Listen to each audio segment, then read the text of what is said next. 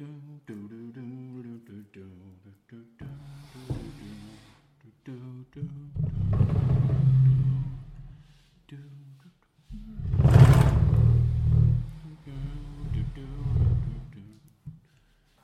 pappa!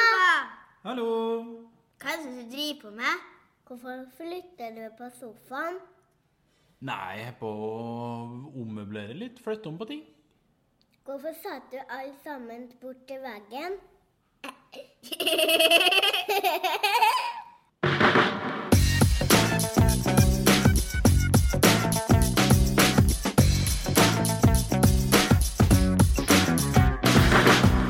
Du hører på Psykologlunsj, populærvitenskapelig lunsjprat med psykologene Tommy, Jonas og Jan Ole.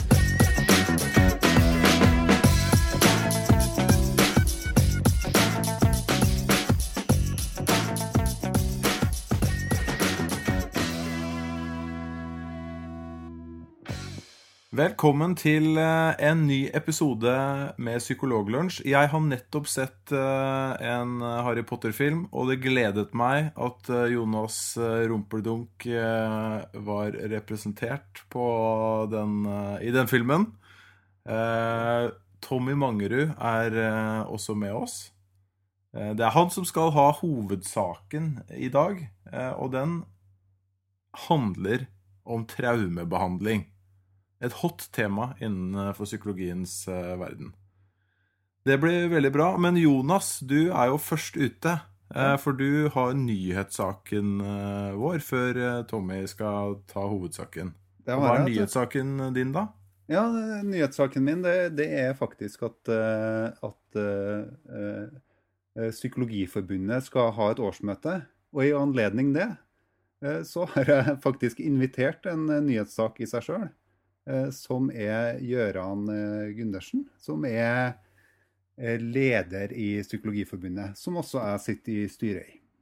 Velkommen skal du være til Psykologlunsj, eh, Gøran. Tusen, tusen takk. Jeg kjenner at eh, pulsen, eh, den er til stede. Det er min første, eh, forhåpentligvis ikke siste podkast. Jeg tror, jeg tror det er et godt tegn at eh, pulsen er høy, for vår puls er eh, litt for ofte altfor lav. Eh, og det er, eh, det er sjeldent, Ja. eh, sjeldent bra. Jeg kan jo røpe at uh, Gøran, vi kjenner hverandre jo litt grann, eh, fra før av. Uh, vi har møttes i forbindelse med prisen Årets nyvinning, som eh, deles ut eh, årlig. Eh, og Jonas, eh, du kjenner jo også Gjøran fra eh, styremedlemsarbeid. Ja, det gjør jeg. vet. Og Gjøran, eh, altså Psykologiforbundet er jo en videreføring av noe som eh, Eller i hvert fall eh, Det var noe som het eh, Masterforeninga i psykologi, og noe som het eh, Norsk forening for psykologiske samfunnsvitere.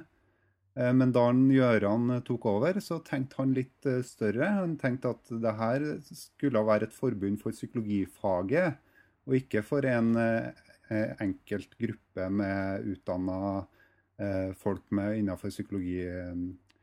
Da. Så, så eh, Gjøran er egentlig en sånn visjonær leder. Og nå er han jo faktisk generalsekretær, da. Altså det, det er faktisk eh, en annen person som er styreleder, men eh, Gjøran er den som driver Psykologiforbundet. da. Kan du fortelle litt om eh, arbeidet ditt eh, med Psykologiforbundet, Gøran, fra du tok over og til vi står her i dag? Vel, veldig gjerne. Nå har jeg holdt på i, i et par år. Um, så du, du, som Jonas sa, så var det jo uh, slik at vi uh, for et par år siden uh, bestemte at vi tenkte litt på hva, hva er det egentlig vi mener psykologifaget behøver aller mest. Og det er jo en, en eh, organisasjon som, eh, som samler eh, og eh, forener de som har en eh, psykologikompetanse og en vitenskapelig utdannelse innenfor psykologi. For det eksisterte ikke på det tidspunktet. Så da måtte vi rett og slett skifte mentalitet og tenke bredt og stort. Og da var det ikke så veldig lenge etterpå at vi etablerte den eh, organisasjonen eh, som fikk navnet Psykologiforbundet. Og ca. et halvt år etterpå så var jo eh, tidsskriftet psykologisk.no eh, en eh, virkelighet. Eh, Så relativt fort så hadde vi etablert eh, et produkt som, eh, som vi mente kunne fylle et eller annet eh, tomrom eh, der ute, sammen med eh, redaktør Paul Pål Johan Carlsen, som, eh, som jeg personlig selv jobber tett med og, og er, er, har en, et eh, nært eh, forhold til, vil jeg si. Vi snakker sammen nesten daglig. Ja, fordi eh, en ting som eh, en del eh, kanskje ikke vet, eller som kanskje ikke har fått med seg, det er jo at det finnes en annen forening i, i dette landet som, som tar seg av psykologene, Norsk psykologforening. Men de er da en fagforening som ikke er åpen for de som har masterutdannelse. Og det var litt sånn i med litt med bakgrunn i det også, Ja. at eh, dere startet et forbund som var eh, åpent eh, for alle. Det, det, det er sant. Definitivt så, så eh, må vi jo kjenne litt vår plass i terrenget og vite litt eh, hvilke tilbud som allerede eksisterer, og så navigere litt deretter. Så eh, Psykologforeningen er en organisasjon som, som noen sammenligner oss eh, med. Eh, mange kjenner jo til de. Eh, Psykologforeningen er jo en fagforening, eh, og vi profilerer oss da som en, som en faglig forening. Vi skal samle eh, kunnskap, vi skal dele kunnskap. Eh, vi skal ikke holde på kunnskapen heller, eller beskytte den på noen måte, som jo psykologisk.no er et, eh, et bevis på. Eh, vi skal dele og gjøre hverandre klokere, og det er det som er eh, det, skal du si, eh, det visjonære tanken bak eh, organisasjonen. Hva er veien eh, videre for dere? Nå har dere holdt på, eh, holdt på et par år. Eh, Hva er veien videre nå? Dere har et årsmøte som kommer opp ganske snart. Det har vi. Vi har et årsmøte i slutten av mars. Vi sendte akkurat ut en, en ganske detaljert landsmøteperm der vi skisserer vår plan og strategi for de neste tre år. Og vi er litt nå, eller vi er nå, på et Vi kan godt kalle det et sånn make it or break it-punkt. Um, nå har vi brukt mye, mye tid og mange timer eh, på å bygge opp eh, noe. Og det vi eh, ønsker å gjøre nå, er jo å, bygge videre på det arbeidet, men vi ser at eh, tid er eh, kostbart og dyrebart. Så nå er det vår hovedutfordring eh, nummer én. Det er å forstå eh, og, få medlemmene våre til å eh, forstå at penger kommer først, og så kommer mulighetene etterpå. Vi vil veldig gjerne tilby eh, eh, spennende tjenester for medlemmene våre, Um, men vi er nødt til å uh, øke lønnsomheten vår for å uh, få det til. Og da, hvis vi gjør det, så vil vi eh, ha noe profesjonelt og bærekraftig i løpet av eh, det neste halve året. Så 2015 blir et eh, ekstremt viktig år for oss. Um, vi ønsker selvfølgelig eh, at medlemmene tar det aktive valget, at det her er noe jeg vil støtte. Eh, Da får vi, vi får arbeidskapasitet, vi får eh, raskere gjennomføringsevne, høyere aktivitetsnivå eh, og en profesjonell organisasjon. For det er selvfølgelig det vi eh, ønsker å få på plass. For det er jo eh, Jeg må jo si, det tror jeg Eller det vet jeg at Jonas og Tommy er enige i, men det arbeidet som dere har lagt ned, det har eh, vært eh, helt formidabelt. Og det har betydd allerede veldig mye for psykologifaget i Norge. Og psykologisk.no har jo blitt en, en, uh, har jo fått en veldig god posisjon, uh, også blant uh, folk flest. Så det er helt åpenbart at det er et arbeid vi drar nytte av, og som nok krever mer tid enn folk aner. Ja, det, det er nok helt sant. Men du kan si det, det vi gjør med psykologisk.no, det er jo å skape nye muligheter for psykologifaget ute i samfunnet. Um, og det skjer sakte, men sikkert. Um, og så ønsker vi jo nå eh, fremover neste året å, å, å bygge de her eh, møteplassene for medlemmene våre. Så steder hvor man kan få ny kunnskap, eh, lære noe nytt og utvikle seg og få oppdatert eh, eh, kunnskap og forskning. Eh, Så det kan bety fagseminarer, det kan være kurs, det kan være sertifiseringer. Eh, Og frokostmøter, nettverksmøter med uformelle samlinger osv. Poenget er at vi ønsker at folk skal, skal, skal møtes. Det, det, tenker det du ramser opp der nå, det belyser litt det bildet jeg har av eh, psykologisk.no og Psykologiforbundet. For at eh, dere har utrolig mange arenaer, utrolig mange ting dere driver på med. Ja. Eh, og jeg sjøl er veldig fan av eh, den innsatsen dere gjør på de sosiale mediene. Altså eh, Facebook-sida til Psykologiforbundet er vel en av de få eh, Facebook-sidene jeg er innom tror jeg, hver eneste dag. Eh, fordi det er alltid eh, spennende å se de tingene dere har lagt ut, og lese kommentarene på ting som blir lagt ut. Sånn. Så det er Mm. helt utrolig bra arbeid altså, som ligger bak. Takk, takk for det, Tommy. Det er vel cirka snart 20 000 som, som følger oss på Facebook, og det, det er jo Det gjør oss jo for så vidt til Det gjør oss til Norden, Nordens største formidler av eh, psykologisk nyhetsstoff. Um, så det sitter jo selvfølgelig noen, men, det sitter noen mennesker eh, hver eneste dag og planlegger og eh, gjør detektivarbeid for å finne det siste nye, og publisere det og formidle det til folket. Og skape noe sånt. Eh, skape en sånn kanal, formidlingskanal, som tidligere ikke fantes i psykologifaget i den skalaen, det, det syns jeg selvfølgelig er fantastisk gøy. Um, personlig litt sånn så syns jeg det er utrolig morsomt å bare uh, sette i gang noe nytt uh, og hive seg litt ut i risikoen og uh, ikke helt vite, men hva skal man si, sette bilen på motorveien og se hvor langt den kjører. Eh, Da vil man ofte se at noen prosjekter bare blir eh, en suksess ganske raskt, mens eh, kanskje andre ting går litt tregere. Kanskje andre ting igjen må man sette på vent eller forkaste. Men å være eksperimenterende, det, det tror jeg veldig på. Det høres uh, veldig bra ut, uh, Gøran. Men uh, du er jo fagutdanna selv også. Du driver ikke bare med organisasjonsutvikling. du, du har med deg til og med en liten sak hit til oss i dag. En, en rapport som du sendte ut til oss. Det er helt riktig. Det er slik at Jeg vet ikke om dere har hørt om en som heter Kim Jim. Et veldig kort navn, men eh, Kim Jim Det er altfor kort til å lagres. Kim Jim er altså eh, leder for eh, Verdensbanken. Og Verdensbanken har nylig gitt ut en rapport som jeg tror og er av interesse for mange som hører på, og som jeg selv fant veldig, veldig spennende. Rapporten den heter Mind, Society and Behavior.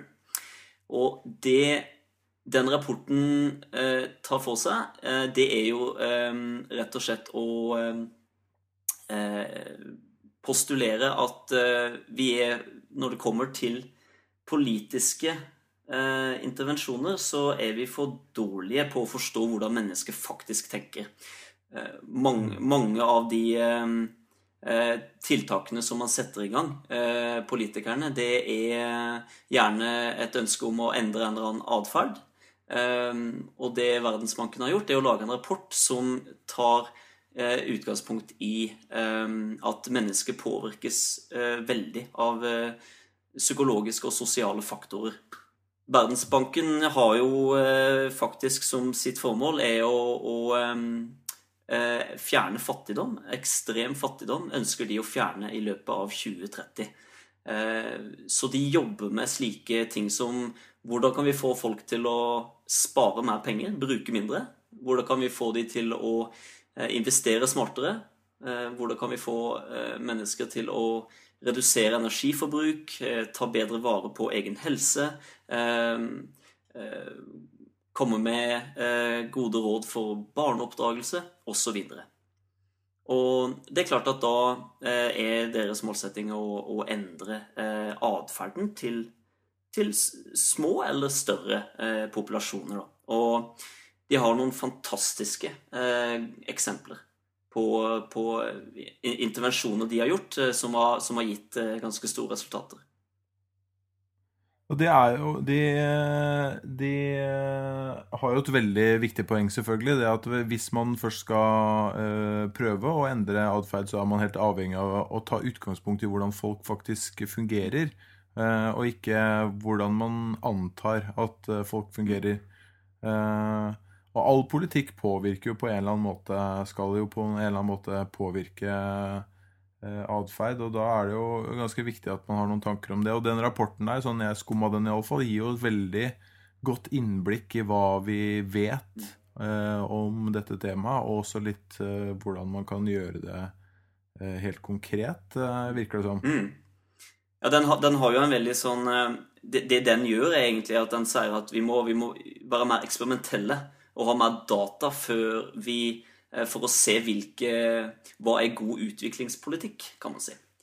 Ehm, og den har jo eh, to-tre utgang... Altså den har noen premisser i seg, eh, som at vi tenker automatisk. Vi er ikke rasjonelle eh, og, og gjør kalkuleringer, kalde kalkuleringer. Eh, vi er veldig påvirka av det sosiale, eh, sosiale gruppene rundt oss. Eh, og eh, at, at det finnes noe som heter sånne mentale modeller som gjerne sitter i et helt samfunn. Eh, som for eksempel hvor mye skal man snakke til barna sine når de vokser opp?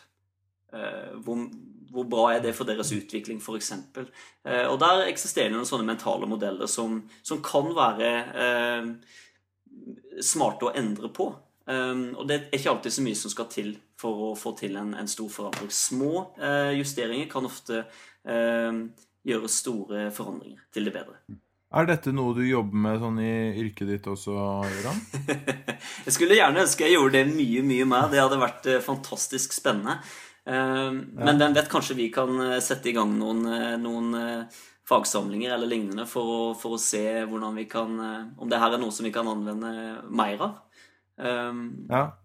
jeg må, jeg må igjen bare påpeke noen fantastiske eksempler som de har i den, i den rapporten. Um, for eksempel så satte de i Kenya eh, opp eh, små klistremerker på bussen.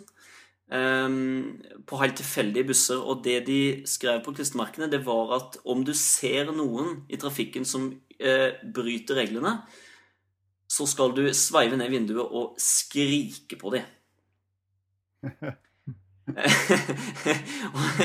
og det eh, viste seg å ha en ganske umiddelbar effekt. Eh, for det som eh, hendte, var det at eh, forsikringsutbetalingene de ble da halvert i løpet av tre måneder, f.eks.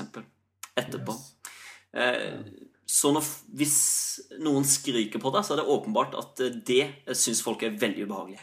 Ja, og det jo det, det spiller jo på det at vi kanskje ikke alltid er sånn rasjonelle som vi liker å tro. Det er ikke alltid sånn at eh, et, eh, en regel eller en trussel om straff eh, er det som holder oss fra å gjøre begå et lovbrudd, men det sosiale stigmaet og den umiddelbare reaksjonen på det gale du gjør, det er da åpenbart kraftigere da i å få folk til å ikke gjøre det. De- Definitivt. Eh, Men det er jo en høyst unormal eh, atferd. Det er jo ikke noe som er eh, standard eller dagligdags. Men poenget er den, den store effekten det har. Og det er jo bra for et samfunn om man kan gjøre sånne inngrep for å, for å få bedre utfall. I den forstand her, da er det jo mer økonomisk gunstig at det er færre som, som krever penger gjennom forsikringen sin. Jeg har jo prøvd det her i Psykologlunsj, og så skrike til Tommy og Jonas eh, når de bruker eh, da og når feil. Ja. Eh, men det, ja, det har funka ganske bra, har det ikke det? Ja, du ja. hadde jo også en runde på det der med studien og studiet, og Jonas var Ja. mye bedre i episoden etterpå. Men det store, var det? men den store forskjellen her er jo at du ikke har lest eh, en eller annen, eh, et eller annet klistremerke hvor det her står eh, oppført. da. Det er jo bare at du ut av ditt eget hode har bestemt den Ja, regelen jeg, i lunsjen. jeg er ganske sikker på at jeg har lest det klistremerket et eller annet sted. Altså. Det er jeg ganske sikker på. Ja, ja men, det, men det som du kan si at Det var et annet eksempel også i Colombia, der de hadde en vannkrise og skulle få befolkningen til å eh, minimere vannforbruket sitt og begrense det. Eh, og det de gjorde, var det at de la ut en annonse i avisen og sa at eh, folk måtte bruke mindre vann. Men det som hendte, var jo stikk motsatt, at folk overforbrukte vann fordi de ville hamstre vann. sant? Eh, og det de da gjorde, det var at borgermesteren i, i, den, i den delen av Colombia han valgte å, å være med i en reklame der han dusja sammen med kona. Og, og, og det reduserte vannforbruket kraftig, for det nådde jo ut til veldig veldig mange. Og, det, og den endringen den, den, den, den, varte lenge etter at eh, vannforbruket kunne gått opp igjen. Så Men, eh, men var det altså en Jeg har to eh, hypoteser for hvorfor du fikk den effekten. Ja. Én, det er at folk faktisk begynte å dusje sammen, som er den hyggelige tolkninga. ja.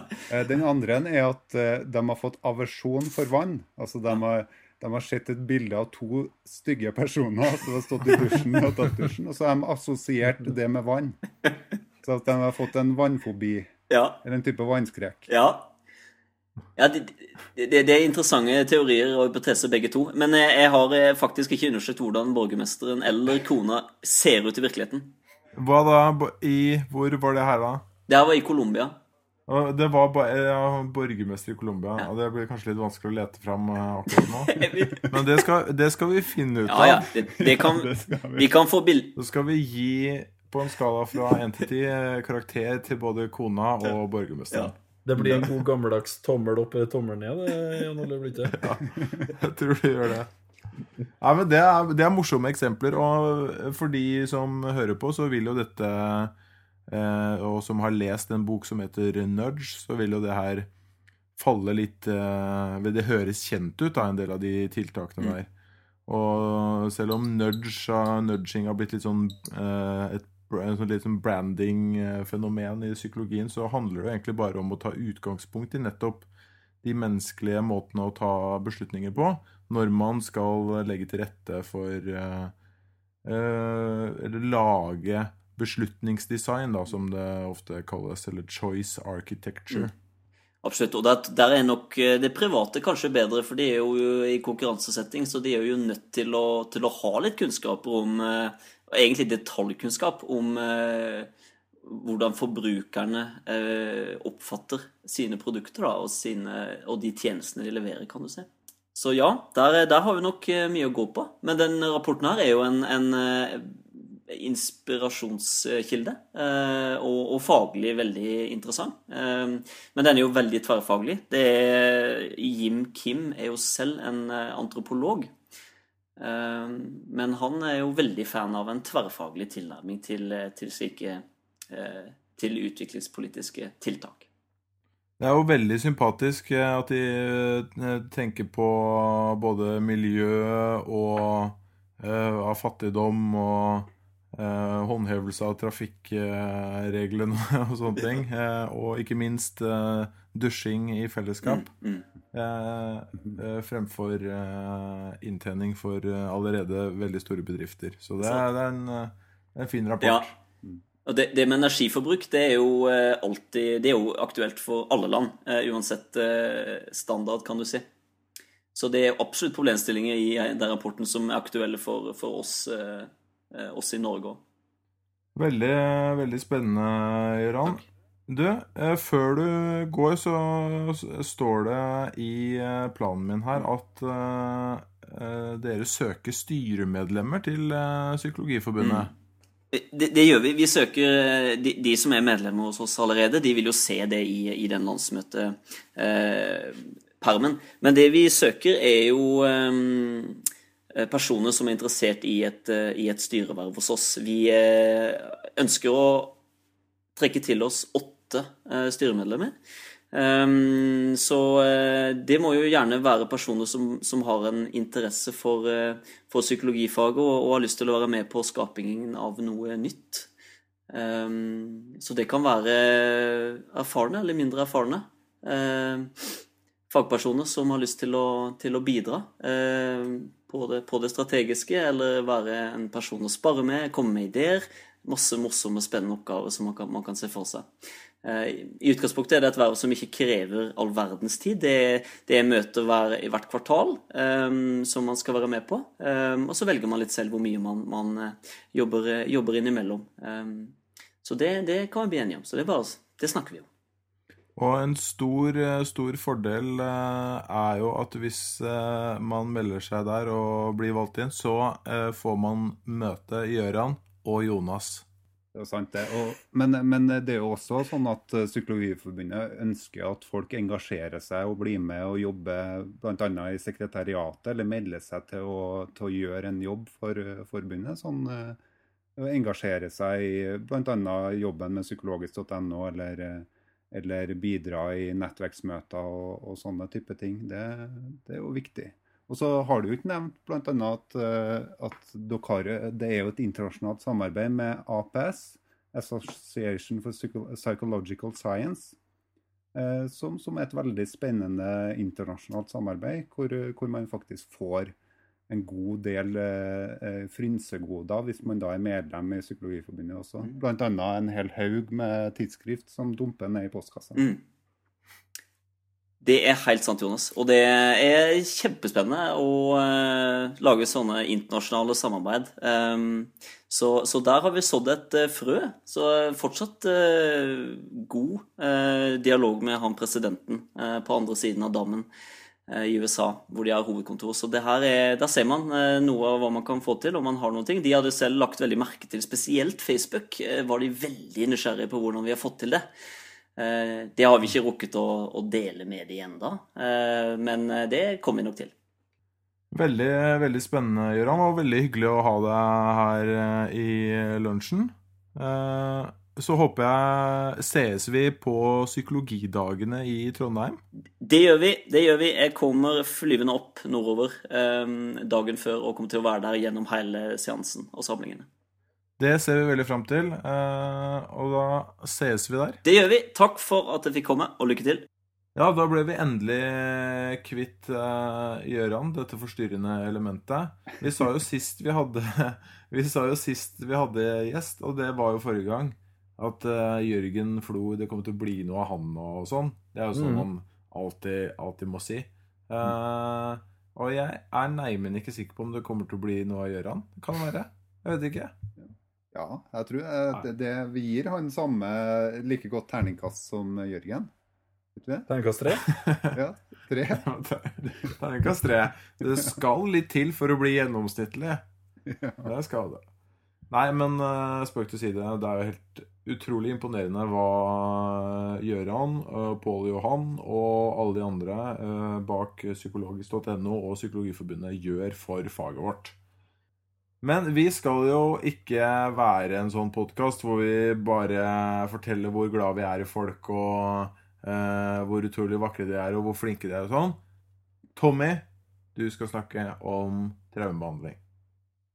Det skal jeg gjøre, eh, Jan Ole. Men aller først, før jeg kommer inn på det, så hadde jeg tenkt at du eh, Dere to skulle få høre en ting. Eh, Høres det her kjent ut?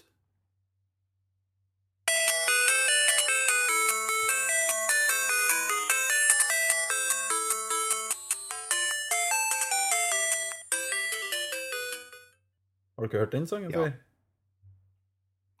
Den sangen har jeg hørt eh. Ja. veldig mange ganger.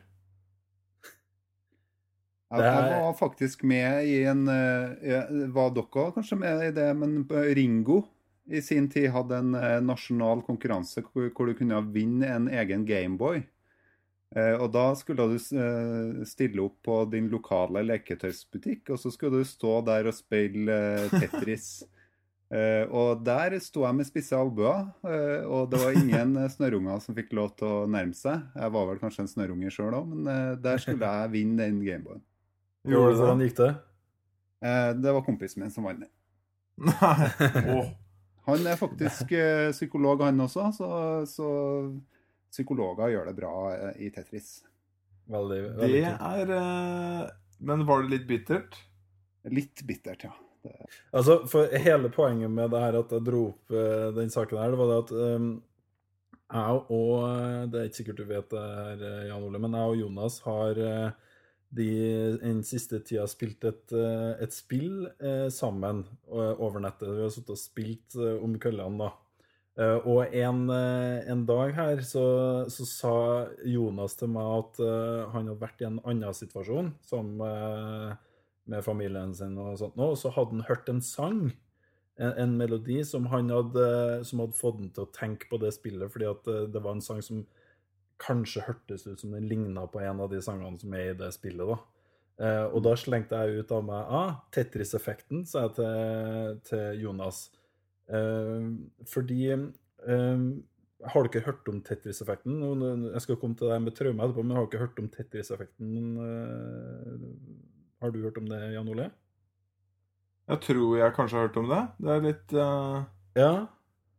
Altså, det er det at uh, Du har garantert opplevd det, spesielt siden jeg vet at du hadde Gameboy sjøl på eh, 80-tallet. Uh, for når man da hadde, som man da gjorde, sittet og spilt eh, Tetris i eh, alle de ledige timene man hadde i løpet av en dag, fordi det er jo superaddiktiv, så um, når man skulle legge seg om kvelden, så, eh, så hadde man jo bare masse eh, drømmer om Tetris, og så for seg alt mulig av eh, klesskap og alt mulig sånt på rommet sitt, og, og prøvde å få liksom, bitene til å passe sammen og alt mulig sånt. Nå. Når man gikk rundt omkring i, i hverdagen etterpå, så var liksom alt du så, var sånne Tetris-brikker som du prøvde å få satt sammen. Jeg kaller det froskeeffekten, jeg. Eh, Fordi jeg jobbet Jeg er veldig kjent med den effekten. Men jeg jobbet en sommer på Tusenfryd. Tre somre. Og da en av somrene så jobbet jeg veldig mye på froskespillet, hvor du skulle eh, eh, slå frosker som skulle fly opp ut gjennom lufta og lande i sånne vannliljer. Eh, og da sto jo jeg midt i det spillet med frosker som fløy rundt meg hele tida.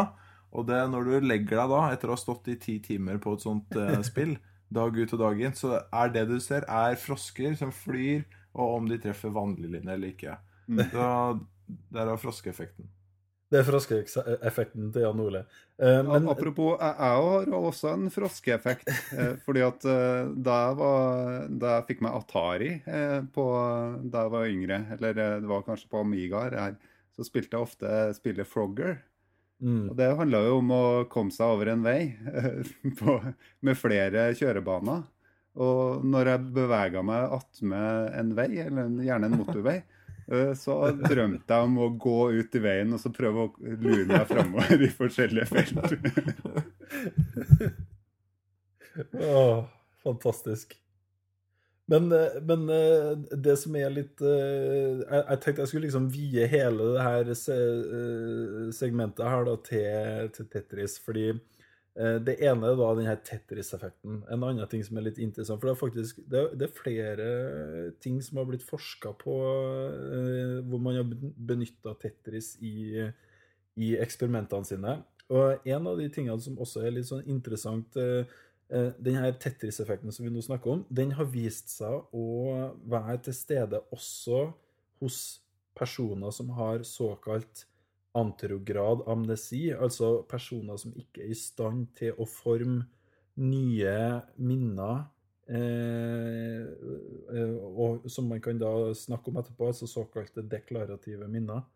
Eh, så, så til og med personer som da har sittet hele dagen og spilt Tetris, og ikke husker det i hele tatt, fordi de kan ikke huske på at de har gjort det, rapporterer at de da har sutt, at de, de rømmer om Tetris om natta. Så det er Ja. ganske interessant, syns jeg. da. Det er veldig interessant. Ja. Det er jo for så vidt Det er jo bare for, oss, eh, for den uinnvidde så er det for så vidt ikke noe nytt at de med den type hukommelsestap eh, likevel eh, lærer nye ting. Det er jo ikke noe nytt. Så man har muligheten for Man har f.eks.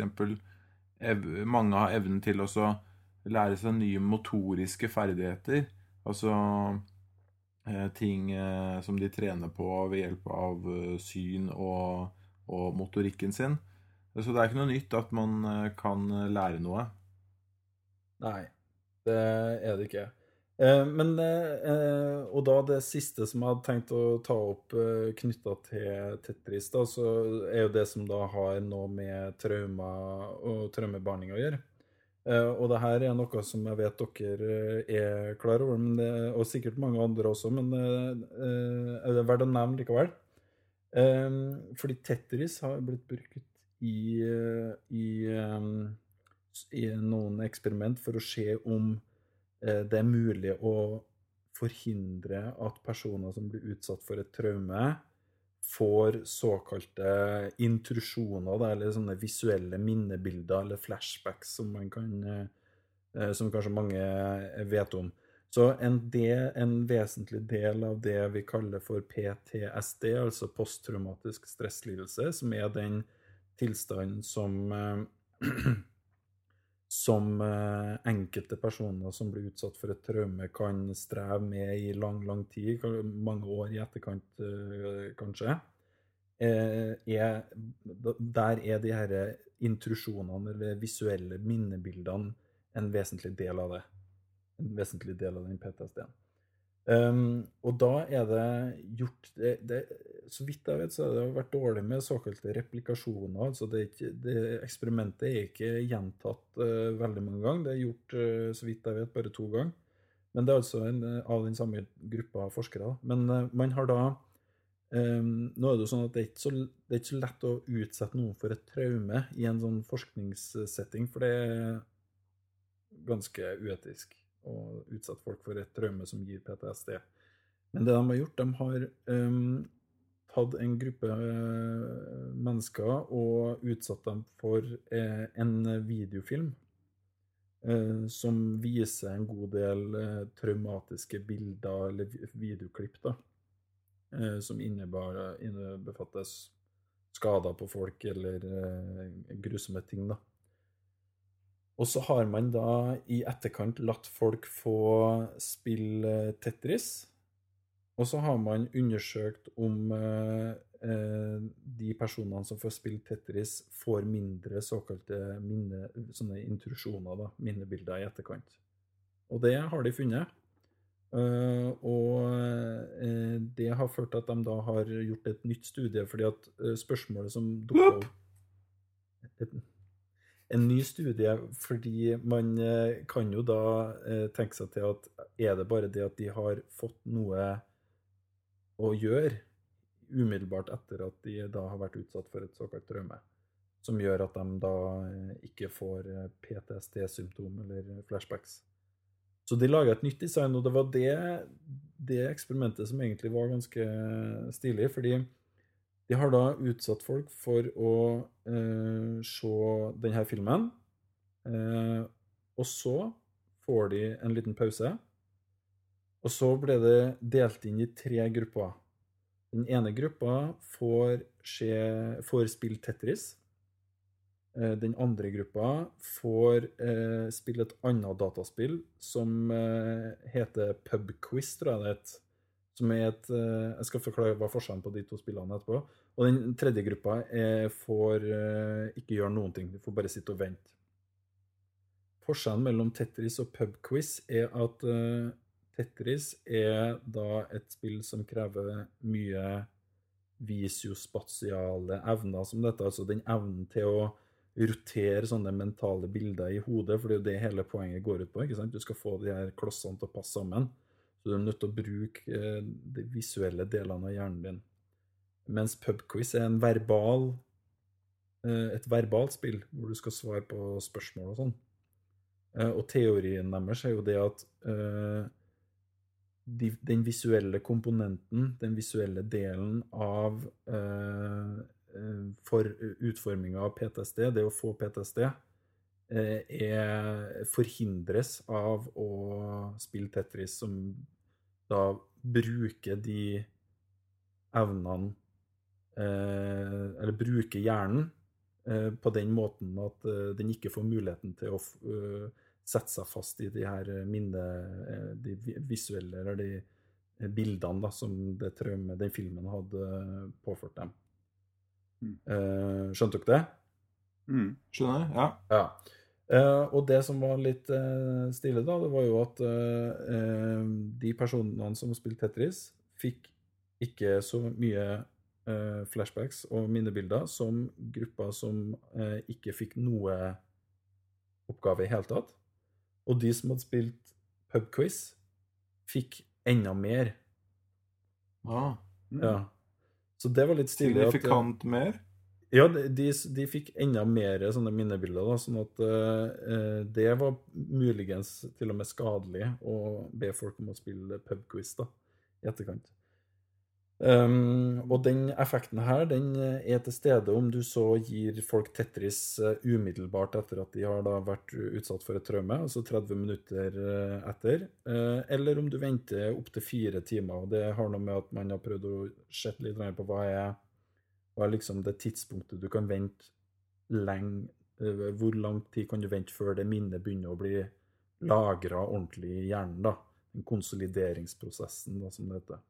Mm. Så eh, det her er foreløpig litt sånn Det skulle gjerne skjedd at det her ble gjentatt og undersøkt litt mer, men eh, de omtaler det her da som en slags sånn Muligens en vaksine da, mm, mot uh, det å, å, å, få en ordentlig PTSD, eller en, en, et, full, et fullt ut PTSD-syndrom. Ganske mm. Men, men, var det virkelig pubquiz du sa? Jeg tror det var det det het, spillet, ja. Det er et spill som heter det. Det er det? Er det samme som Quiz-Dan? Akkurat det samme. Ja, Så etter eh, ja. Så det du får med når du kjøper det spillet, det er eh, Dan Børge Akerø. Du får noen timer med han, så, ja. og så får du det spillet. Men uh, Quizdan, altså nå vil jo mest sannsynlig etter episoden her, så vil jo salgsraten for Quizdan gå ned uh, vesentlig. Mens uh, salget på finn.no av gamle Gameboyer og Tetris-spill vil jo selvfølgelig skyte i været. Mm, fordi det er kjempeslitsomt for folk å gå inn på AppStore eller Google Play og bare laste ned der. Så de må ha ja, den gamle Gameboyen. Kan jo selvfølgelig gjøre det, men det, det, er jo, det er jo ikke den eh, gode, gamle Tetrisen med den gode musikken. Det stod ingenting om i artikkelen jeg leste, om de kjørte old school 1984 eh, Tetris, eller om det var og musikken, ikke minst. Jeg kan ikke, uh, jeg kan ikke tenke meg noe annet enn at uh, musikksporet må jo være kanskje det mest effektive delen av det hele. Veldig spennende. Det blir gøy å se om det kommer mer forskning som sjekker ut akkurat det der. Vi runder av for i dag, men før jeg skal runde av, så må vi selvfølgelig minne dere på at den neste innspillingen av Psykologlunsj vil skje live i Trondheim den 13. mars eh, klokka seks på Familien. Utestedet Familien. Det er fortsatt uh, mulig å få billetter dit, uh, og de koster 120 kroner. Og hvis du ikke har 120 kroner å bruke på en billett til eh, vårt første liveshow, så kan du faktisk vinne eh, en billett. Og det gjør du ved å sende inn eh, spørsmål til oss på Bruk gjerne Twitter eller Facebook. Og hvis du bruker Twitter, så må du huske å bruke hashtaggen PD15, som står for Psykologidagene 2015. Eller så går det an å kjøpe seg et kredittkort. Det er jo veldig mange gunstige sånne forbrukslån der ute, ser jeg. Ja. De er veldig enkle å få, og det er i hvert fall god tid til å få eh, opptil flere sånne forbrukslån før eh, fredag den 13. Og spander gjerne på vennene dine. Ja. Så det er det, Våre oppfordringer er send inn spørsmål til oss og ta opp forbrukslån. Eh, så ses vi faktisk kanskje om eh, to uker i Trondheim.